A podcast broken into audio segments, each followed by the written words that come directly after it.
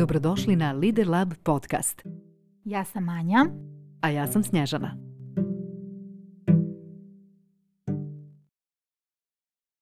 Šta planiraš za praznike? E, ja baš i ne volim da planiram. Slobodnjak sam u duši. Super, slobodnjak. I ja sam. Hajmo zajedno na yoga kamp. Dvije sedmice u junu. Ajoj, pa nemam ti ja za to vremena. Slobodnjaka nemaš vremena. Da li je odsustvo plana zaista sloboda? Nažalost, mnogi ljudi poistovjećuju ove dvije u stvari potpuno suprotstavljene kategorije. Naš slobodnjak iz priče i nije dakle pravi slobodnjak. Prije da je to osoba bez plana i bez discipline.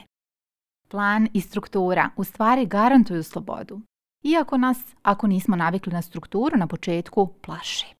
I plaše nas s razlogom. Ako nismo navikli na čari strukture i organizovanosti, ne navikava se na njih preko noći. Ipak bilo koja vrsta slobode, od financijske do slobode organizovanja radnog vremena i vremena provedenog u igri, opuštanju i ritualima, uslovljena je dobrom organizacijom i dobrom strukturom. Da, jasno je da se mnogi sa ovim neće saglasiti i borit će se za svoju spontanost. Međutim, u spontanost idu i spontani, to jest sporadični rezultati. Nekada ćete imati novca za odmor, nekada ne. Nekada ćete moći predahnuti u toku radne sedmice i priuštiti sebi neophodan reset, a nekada ne. A nas u Lider Labu zanima održiva sloboda, dugoročna i ekološka. Kada govorimo o strukturisanom danu, zapravo govorimo o upotrebi vremena. Baš tako. Tu prije svega treba znati da je vrijeme proizvod našeg uma, način na koji um kodira informacije. Vrijeme je mentalni konstrukt. Ono što zaista trošimo je naš život. Mi smo prolazni. Vrijeme nije. Uz to svi imamo jedinstven odnos prema vremenu. Naši su umovi različiti, a način na koji svako od nas upravlja vremenom u svojoj glavi odražava se na našu ličnost i na naše ponašanje. Ali ono što nam je zajedničko jeste nezadovoljstvo zbog prividnog nedostatka vremena. Kada kažemo nemam vremena za stvari kojima bismo željeli da se bavimo, u stvari govorimo sebi nisam sposoban da svoj dan strukturišem na željeni način. I ta nesvjesna poruka itekako podriva naše samopouzdanje i dalju sposobnost da budemo organizovani i srećni.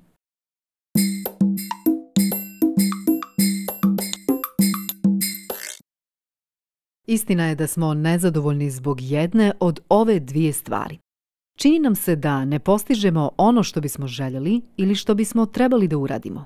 I čini nam se da smo izgubili kontrolu. Sada treba da obratimo pažnju na dva ključna koncepta. Racionalno korištenje vremena i upravljanje vremenom.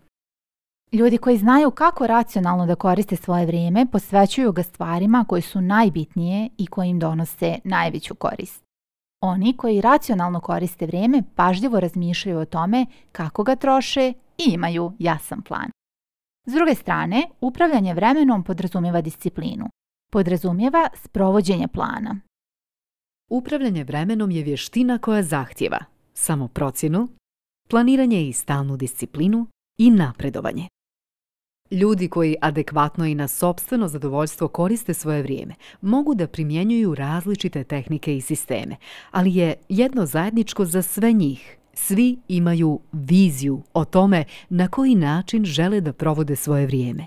Viziju koja obuhvata jasnu predstavu o ciljevima i prioritetima. I vi možete da dobijete jasniju predstavu o tome kako zaista želite da koristite svoje vrijeme ako odgovorite sebi na sljedeća pitanja. Na koji način vas vaše aktivnosti približavaju vašim profesionalnim i ličnim ciljevima? Da li koristite svoje vrijeme korisno, da biste postigli ono što zaista želite? Ili samo tapkate u mjestu?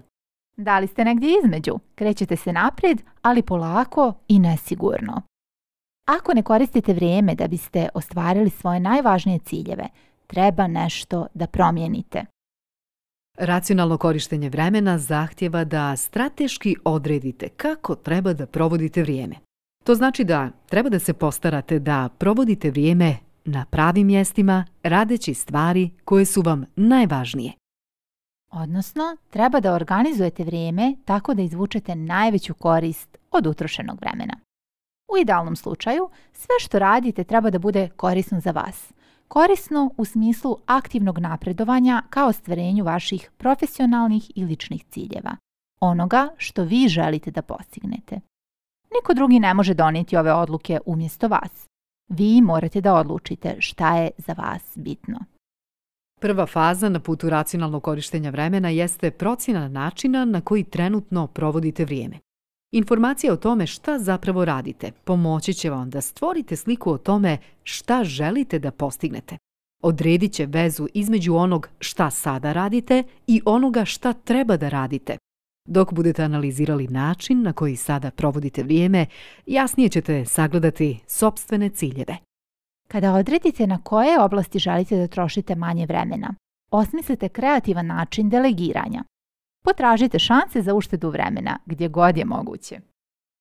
Možda ćete ponekad biti u iskušenju da se posvetite zadatku koji nije u vezi sa definisanim ciljevima da biste bili dobar timski igrač, ali na to treba da pristanete samo ako time ne dovodite u pitanje svoje druge poslove. Naučite da projektima ili aktivnostima koje nisu prioritetne diplomatski kažete ne. Srećno i pišite nam šta ste uočili kao suvišno u svom dnevnom rasporedu.